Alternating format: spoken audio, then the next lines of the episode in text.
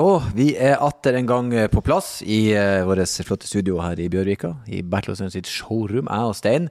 Men i dag, Stein, så har vi også besøk. Audun Hermansen, kommunikasjonsdirektør hos Mercedes-Benz Norge. Så ikke innom.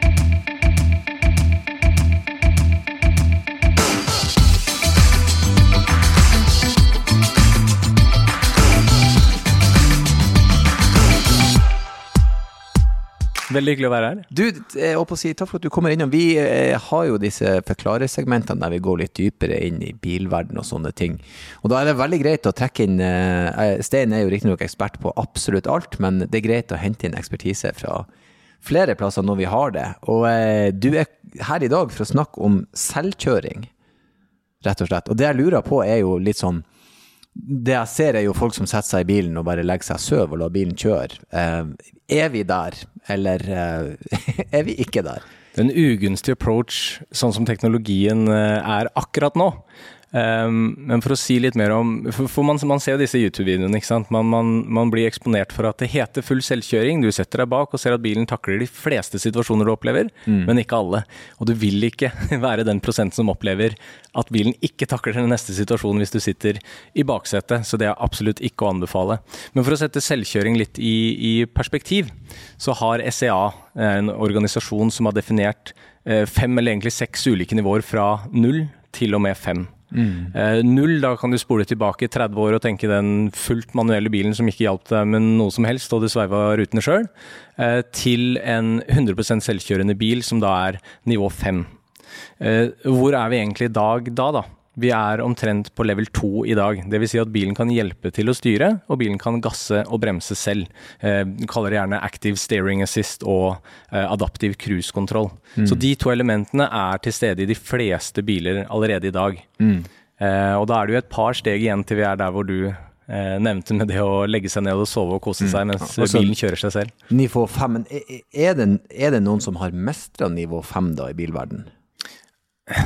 De markedsfører det i alle fall sånn? Ja, ja og det, det, er faktisk en liten utfordring. Eh, jeg representerer et selskap som er på den konservative siden i kommunikasjon rundt selvkjørende biler. Mm. Og det har med sikkerhetsaspektene å gjøre. Kall, vi kalte det faktisk i gamle dager Drive Pilot, og det ble da henta tilbake igjen med et ord jeg nevnte i stad, eller et uttrykk jeg nevnte i stad, med Active Steering Assist. Og det siste er det som er key, for det er en assistansefunksjon. Det er ikke en fullt selvkjørende bil ennå, selv om deler av funksjonene kan oppleves på den måten. Så, mm. så det er faktisk et litt skummelt eh, i kommunikasjon ut mot, mot kundene som kanskje ikke kjenner detaljene i hva bilen kan eh, og ikke kan.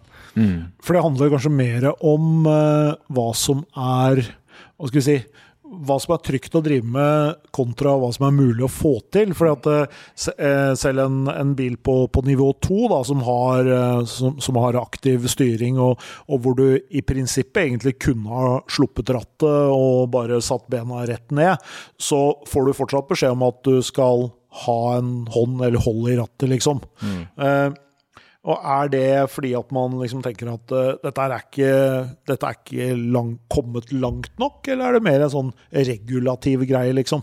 Ja, altså den beskjeden du får uh, Jeg tror i EU er det rundt hvert 15. sekund, så får du en liten henvendelse først visuelt, og så, og, og så med et lite pip i høyttalerne med at nå er du nødt til å følge med. Uh, og det er faktisk lovbestemt, at, og det er rett og slett for at hvis du tar sjansen på å slippe rattet, mm. så får du en, en liten varsel på at det er faktisk du som er ansvarlig og må følge med med på veien eh, til enhver tid. Men, men det hjelper deg, som sagt. Du spurte er det mulig. Eh, teknologisk sett så er det fullt mulig i dag. Mm. Eh, men du oppstår så mange situasjoner i trafikken som det er umulig å programmere inn absolutt alle variasjoner av hva du kan møte. Så på lukka baner, ikke noe problem. Se for deg f.eks. Gardermoen flyplasser. Mm. Perfekt arena for å bruke LIDAR, kameraer, ultrasoniske sensorer. Du kan til og med mappe opp det området du skal f.eks. måke snø på vinteren. Fordi mm. det er en lukka bane hvor du har full kontroll over omgivelsene. Mm. Mens hvis du kjører her hvor vi sitter i dag, i Bjørvika, så er det ganske mye komplekse situasjoner som kan oppstå. Og da er du nødt til å få nok data, presise kart. Eh, per i dag så bør du også ikke ha liksom, snøstorm og, og, vinterføre i Norge, for det er en utfordring for enkelte av sensorene. Det er jo derfor Lidar bl.a. Eh, kommer inn, som ikke er like påvirka av eh, værforholdene. Mm. For det finnes uh, flere måter å kontrollere selvkjøring på. Vi hadde jo uh, Altså, for en tid tilbake, da, så, så har man jo liksom eksperimentert med En ting er sånne type sånne stasjoner plassert ute langs veien som kommuniserer med bilen, men også bil-til-bil-kommunikasjon, liksom. Sånn at uh, når du er ute og kjører, så kommuniserer den bilen med den bilen som ligger foran, sånn at du får en informasjon fra den bilen om hva den gjør, sånn at du kan lære av den. Men hvilken vei tror du egentlig at dette her kommer til å gå? Mm, car to X-kommunikasjon. altså Tidligere så var det car to car, men nå er det også bil til infrastruktur. altså Det er uavhengig av hva det er, om det er bil, om det er lyskryss. Det bruker man jo allerede på bussene her i, her i Oslo i hvert fall. Sånn at du kan snakke med lyskrysset for å få prioritet når kollektivtrafikken eh, kommer. Eh, du gjør det samme med ulykker. Hvis eh, en bil foran deg oppdager at her var det glatt, eller her er det en ulykke, her er det et eller annet som gjør at du bør være forberedt på å bremse kraftig ned før denne svingen kommer, så snakker bilene med hverandre. Mm. Eh, og ambisjonen fra Mercedes-Benz sitt hold er at det er uavhengig av merket. Fordi at det må lages et system i bånn som gjør at alle bilene kan ja, koble seg på det samme. Fordi det vil være en fordel for alle produsenter, eh, sånn at du ikke er avhengig av at det kun er merke X eller Y som er, eh, er eh, foran deg. Mm. Sånn at du får en heads up. Det bør mm. være uavhengig av hvilket merke du kjører. Men, men i 2013 så kjørte det en S-klasse, det var litt tilbake til det du nevnte, Stein. altså Allerede tilbake i 2013 så kjørte en Mercedes S-klasse fra Mannheim til Forsheim, som er en litt sånn historisk rute i Mercedes-verden, der hvor Bertha Benz kjørte en av Carl sine første biler. Um, de 100 km som egentlig var den første langturen med bil noensinne. Uh, men den bilen ble da kjørt 100 eh, selvkjørende, men da hadde man jo kartlagt ruta på forhånd. Hadde en fyr i bilen som satt klar og skulle slå på en rød knapp som, som avbrøt. ikke sant? Det, det, er ikke dit vi ønsker å være. Du har ikke lyst til å måtte ha med deg en fyr med en laptop og en rød knapp hver eneste gang du skal ut og, og kjøre heller. Ja, for det, altså det er forskjell på å plotte ei kjørerute og det å si at 'kjør meg dit', der den kjører ja. Sjøl. Men hva er liksom Når man snakker om biler sånn på generell basis, mange snakker jo om at man skal liksom på en måte um, Du abonnerer på fremkommelighet, ikke nødvendigvis at du eier en bil. Men det med selvkjøring må jo på en måte gå inn under det. Da, at du rett og slett du bare forteller bilen din hvor du skal hen. Det er et realistisk mål, rett og slett? Det er fullt realistisk. Eh, det er bare at folk har snakket om det. Ikke fullt så ille som eh, Eh, liksom at Man, man snakka om 2025-2030. Jeg tror nok vi er litt lenger fremme før vi er på level 5. Mm. Men at det kommer biler allerede neste år med level 3, dvs. Si at den kan være fullt selvkjørende. Mm. Eh, for S-klasse sin del så vil det gjelde pga. regulatoriske utfordringer, så gjelder det kun i Tyskland i første omgang, fra mars. Der hvor bilen opp til 60 km i timen vil kunne, hvor du kunne slippe rattet, og det er fullt lovlig og du kan lese avisen, eh, sitte på laptopen, gjøre hva du vil, mm. innenfor gitte rammer, men du må være klar til å ta over hvis bilen sier ifra 'nå er jeg i en situasjon hvor du er nødt til å ta over'.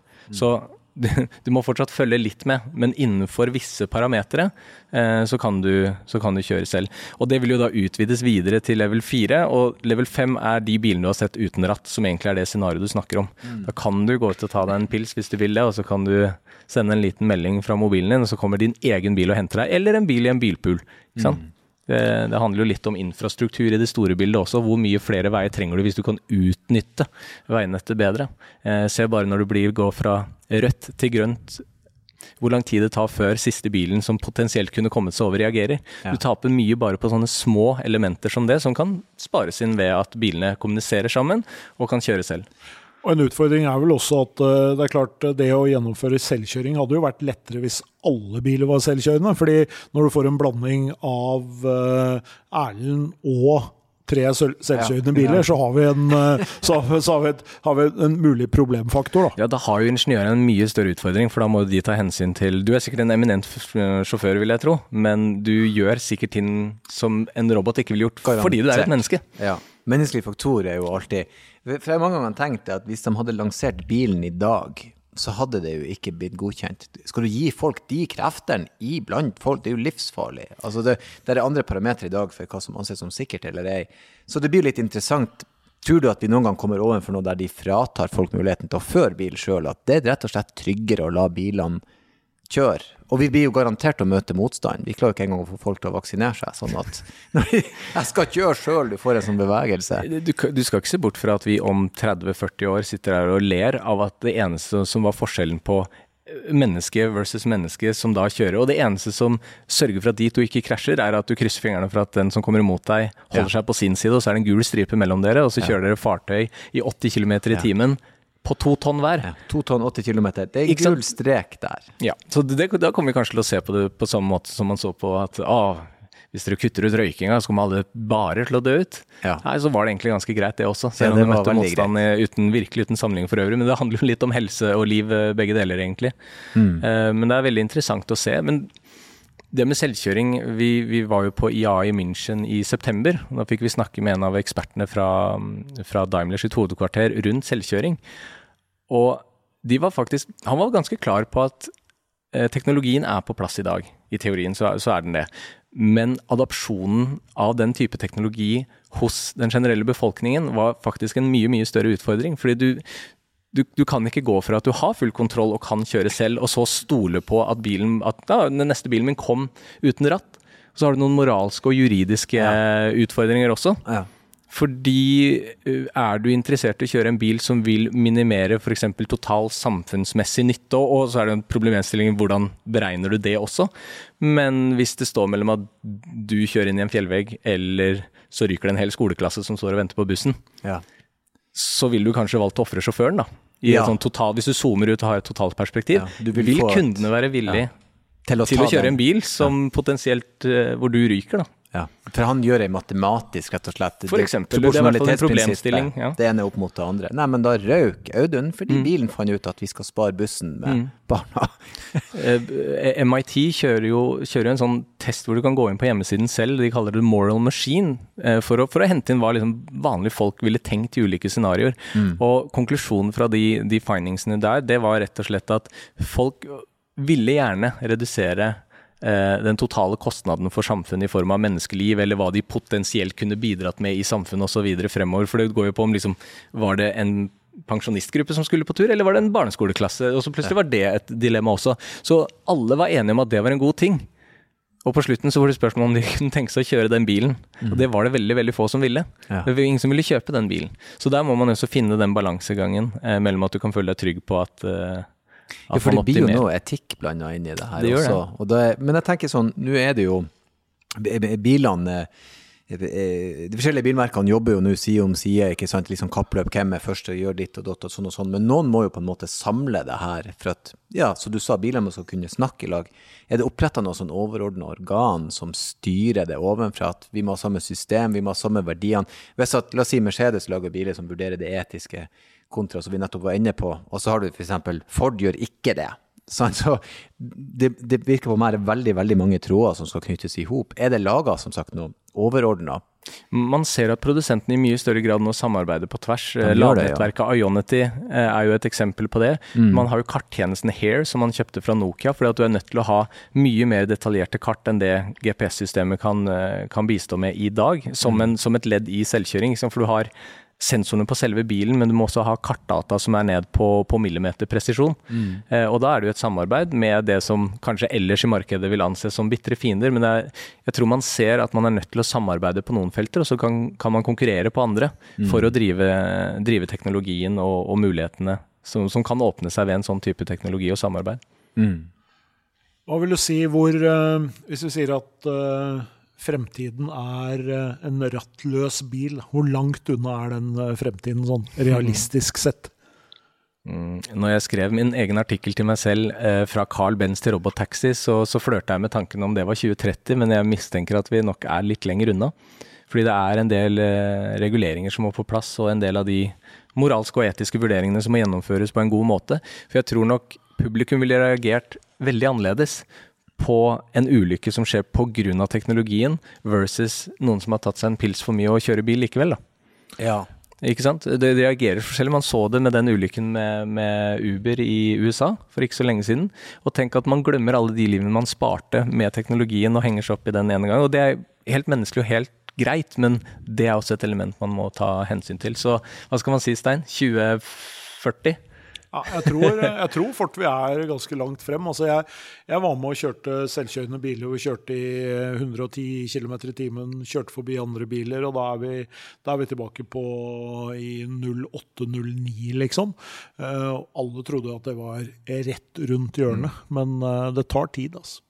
Mm, det gjør det. Men på veien dit så skjer det jo veldig mye spennende. ikke sant? Fordi at du vil få flere assistansesystemer som gjør at du kan eh, sitte med jobbdataen, sitte i Teams-møte, interagere med teamet ditt på jobb når du sitter i kø.